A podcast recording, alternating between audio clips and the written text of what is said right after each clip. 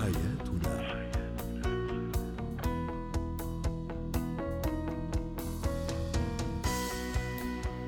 نجدد التحية لكل مستمعينا ومستمعاتنا. أنتم تستمعون لسكاي نيوز عربية في أبو ظبي وبرنامجكم اليومي حياتنا برنامج يعنى بشؤون الأسرة وباقي الشؤون الحياتية الأخرى. زينة الحياة.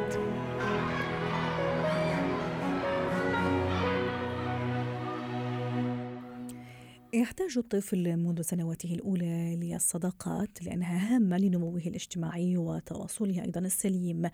وتجعل هذه الصداقات تجعل من الطفل آه، محبوبا ويشعر بالاندماج وعدمها يشعر يشعر الطفل عفوا بالعزلة وسوء التواصل. كيف آه، أجنب طفلي أصدقاء السوء؟ وأتحدث هنا عن المراهقين تحديدا. للحديث عن هذا الموضوع تنضم إلينا عبر الهاتف من أبو ظبي الخبيرة التربوية هبة شركس مساء الخير أستاذة هبة. آه، كما قلت الصداقة شيء مهم جدا في حياة طفلي لكن كيف أبعد عنه صديق السوء؟ هو طبعا المراهقين لهم آه، معاملة خاصة جدا معانا ولازم يكون هو في البداية باني علاقة جيدة مع الأب والأم.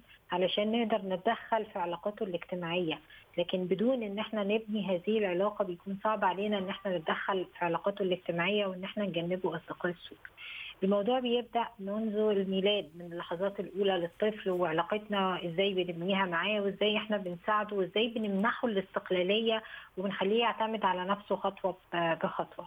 في مرحلة المراهقة مهم إن يكون في حوارات مهم إن إحنا نكون مرجعية الطفل مهم إن إحنا نكون موجودين في حياته من غير ما نكون متدخلين فيها بشكل مزعج له. يعني نكون إحنا مصدر الثقة وهو بيستشيرنا دايما في أشيائه وإحنا بنديله الثقة كمان والأمان علشان نقدر نحميه من أصدقاء السوء. مهم إن إحنا نخلي المراهق إن هو اللي يختار الأصدقاء بتاعته يختار التوجهات بتاعته مهم نسمعه ونفهمه أكتر. كل دي عوامل بتساعدنا إن إحنا نحمي ابننا من أصدقاء السوء. لكن هذه الاختيارات إذا كانت زي ما تفضلتي يعني هو اللي يختار. لكن إذا ما كانت تتناسب مع مثلا ما اشوفه أنا صحيح وأبوه صحيح وقيمنا وعاداتنا وتقاليدنا يعني يختار صديق يعني تتنافى سلوكياته مع ما يجب أن يكون. كيف أوجهه؟ كيف أنا أساعده أيضا على أنه يطلع من هذا المشكل؟ آه، لو أنا لقيت إن ابني عنده آه، سوء اختيار في موضوع الأصدقاء مهم إن أنا أتناقش معاه خطوة بخطوة آه واقول له أنت إيه اللي أنت شايفه ممتع أو شايفه إن هو جيد في الصديق ده؟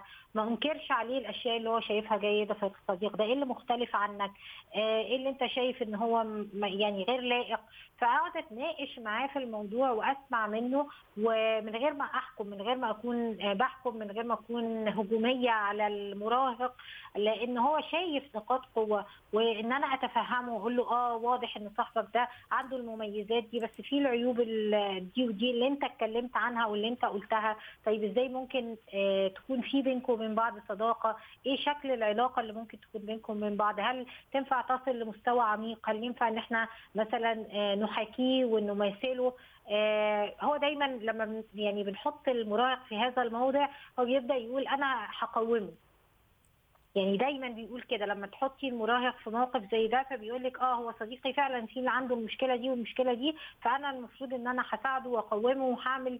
فهنا دور الأم والأب الأذكياء إن هم يقولوا لهم يقولوا له إن أنت مش دورك إنك تقوم الناس وتصلح منهم أنت دورك إنك تدور على حد يكون متوافق معاك. ما تبذلش معاه مجهود كبير في العلاقة لكن تحس إن العلاقة مثمرة حد شبهك دايما بنستخدم الكلمة بالعامية حد مشابه لك مشابه لأفكارك مماثل آه لتفكيرك ولعاداتك مش حد يكون متناقض تماما معاك.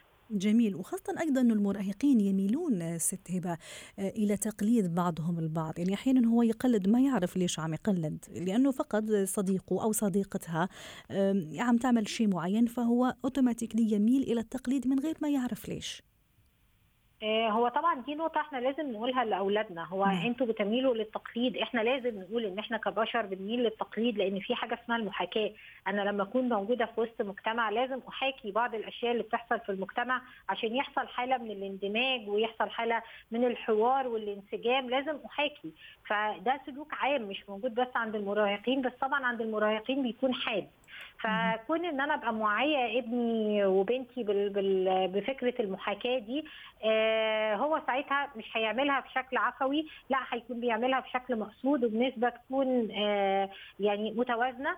الحاجة التانية إنه مش غلط إن إن اولادنا يكتشفوا العالم، الغلط إن هم يكونوا جزء من الخطأ اللي في العالم، جميل. آه فهو جميل إنه يعرف إن في أولاد بيعملوا أشياء مختلفة عنه، وأنا ما بنكرش عليه آه إن في في المحيط بتاعه أبناء تانيين ممكن يكون مثلا بيدخن، ممكن يكون بيعمل أشياء آه تانية مختلفة عن آه السلوكيات اللي أنا أرغبها أو أرضاها لابني واللي هو كمان يرضاها بنفسه.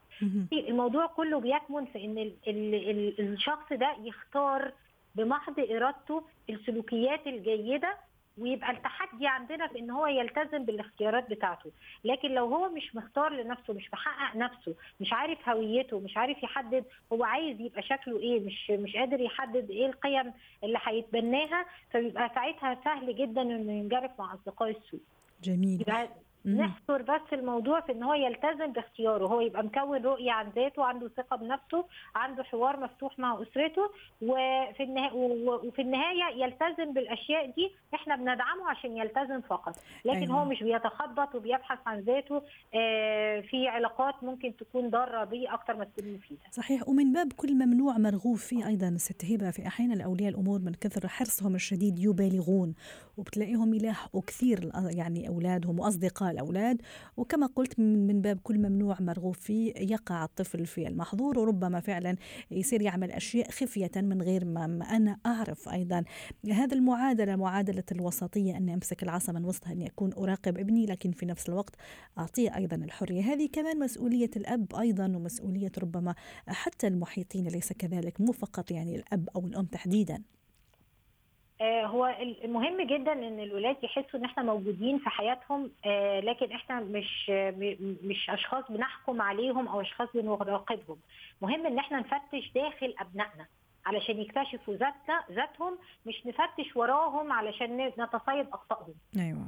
يعني إحساس الابن إن أنا بساعده إنه يكتشف ذاته وبقول له إن ده أنا شعوري إن ده ما يناسبكش وأنت كده تعالى نفكر مع بعض ده. يناسبك وإيه اللي يناسبك وإيه اللي ما يناسبكش ده ده في حد ذاته حاجة كبيرة جدا عند ال- عند الطفل بيديله إحساس بال- بالثقة أو عند استاذة هبة إذا إذا مثلا اكتشفت إنه ابني مثلا لا إنه دخن في عنده صديق عم يعني يخليه يدفعه إنه يدخن شو الخطوات لك باختصار إني يعني أوضح له أنه هذا الشيء خطأ وما لازم تعمله لأنه صديقك هذا صديق سوء؟ مهم إن أنا أتكلم مع ابني وأشوفه هو ليه دخل إيه اللي دفعك أنت اللي أنت تحاكي حد تاني؟ هل من باب التجربة؟ طب التجربة دي نتج عنها إيه؟ هل عجبتك التجربة ولا آه، نفرتك التجربة دي؟ آه، الصديق لما أتكلم عنه هقول له إن صديقك ده أكيد في جوانب إيجابية ممكن تحاكيها فيه وفي جوانب سلبية المفروض إن أنت آه، يعني بشخصيتك القوية والقيادية نعم. واللي مش سهل إن حد يعني يغيرها أو يغير توجهاتك إن أنت بنفسك تختار إنك تنفر من السلوكيات السلبية. كل. ده محتاج تربية من الصغر. واو. يعني صعب إن التدخل يكون في مرحلة المراهقة فقط. نعم شكرا لك أستاذة هبة شركس الخبيره التربويه ضيفتنا من أبو ظبي. اتكات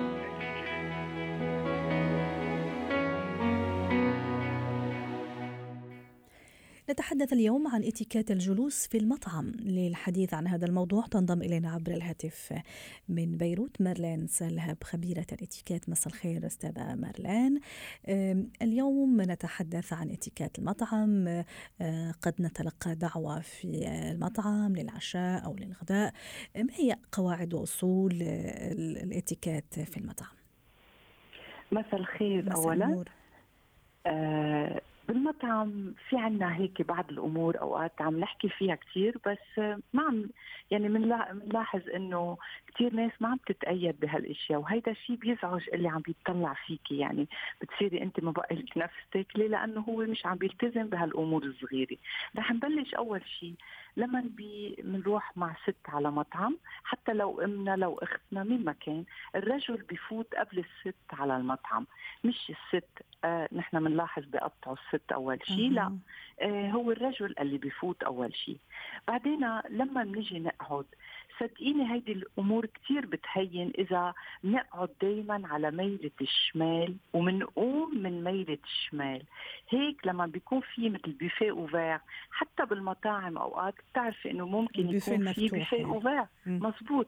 لما كلنا من منقوم من ميلة الشمال ممكن الشخص الوحيد إذا الطاولة طويلة اللي قاعد على رأس الطاولة هو الوحيد اللي بيقوم على ميلة اليمين. هيك كل الناس بتقوم بشكل كتير مرتاح ولا حدا بدق بحدا. لأنه أوقات بتعرفي بتلاحظي مدام أنه كلنا بنقوم كلنا سوا. بيقوم عدة أشخاص عن الطاولة. هيك الأفضل نعرف أنه نحن دايما لازم نقعد على من ميلة الشمال ونقوم كمان من ميلة الشمال. نعم. إذا عنا ست جنبنا مطلق أي رجال جنتلمان بزحلة الكرسي. ولا حتى لو إذا نحن ما كثير بنعرفها ممكن ننعزم على مطعم وتكون سيدة نحن ما بنعرفها بس اللي قاعدة جنبي أنا مفروض نطفي زحلة الكرسي. كرجل. بس نقعد كرجل. أيوه كرجل. آه وبس نقعد على ال... بس نقعد. ولاحظي قديش في ناس بتقعد وبترخي حالها لورا أم لقدام. ابدا. بدنا نقعد كواعنا مش لازم تلامس الطاولة. معلش لو تعبنا شوي. هلأ بالاتيكيت الجديدة صارت بتقول إنه فينا نحط إيدينا كواعنا على الطاولة طالما ما في أكل. وهيدا الشيء ممكن تحصل بس المهم يكون الجسم متقوم. يعني ما نلقي ظهرنا لورا ولا نطب لقدام نكون مقومين جسمنا. هيدا بيعطي كتير احترام للي قاعد أنا بوشه وبيعطي احترام أكيد لهالأكل. جميل. فوطة إذا ملاحظة كتير بيشيلوها وبحطوها على جنب. الفوطة ما بنحطها على جنب. الفوطة معمولة لنحطها على إجرينا وأوقات كثير حسب المطعم اللي نحن موجودين فيه بتلاحظي إنه أوقات بتبقى الفوطة محطوطة بقلب الكباية.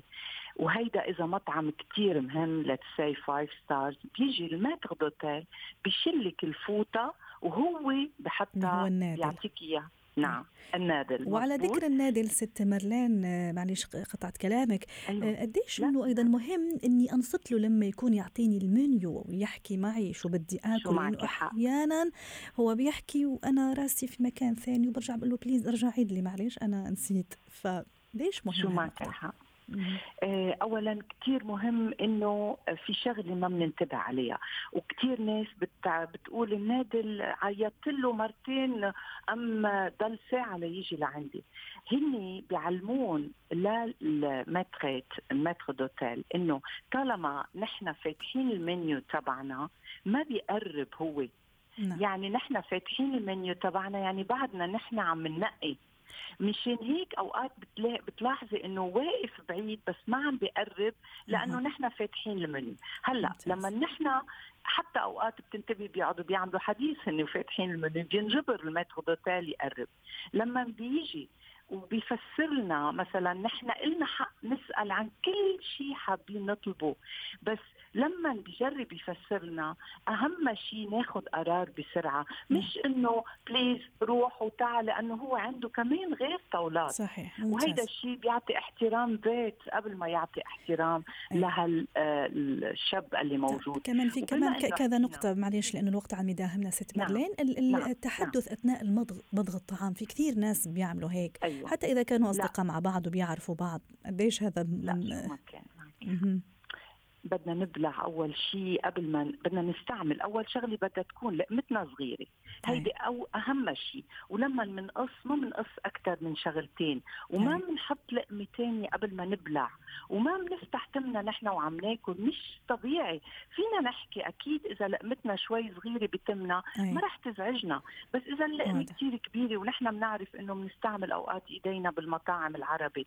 نحن كل شيء له خص بالخبز فينا نحمله بإيدنا من دون ما نستعمل الشوكه والسكين واضح. بس كل شيء له خاص طيب. بالخبز يعني مثل الفطاير مثل البيتزا مثل هيك أشياء آخر سؤال هلأ. باختصار كمان نعم، أنا كست نعم. كسيدة وضع المكياج أو تعديل شعري على على الطاولة إيه ولا لا باختصار حتى نختم ابدا ابدا ابدا ولا شيء ولا ممكن زبط ولا أي make up على الطاولة حتى الكيردون ما بيستعملوا على الطاولة بقوم على التويلت. ومحل وبرجع شكرا لك أستاذة مارلين سرهب خبيرة الإتيكيت ختام حياتنا شكرا لكم وإلى اللقاء. حياتنا.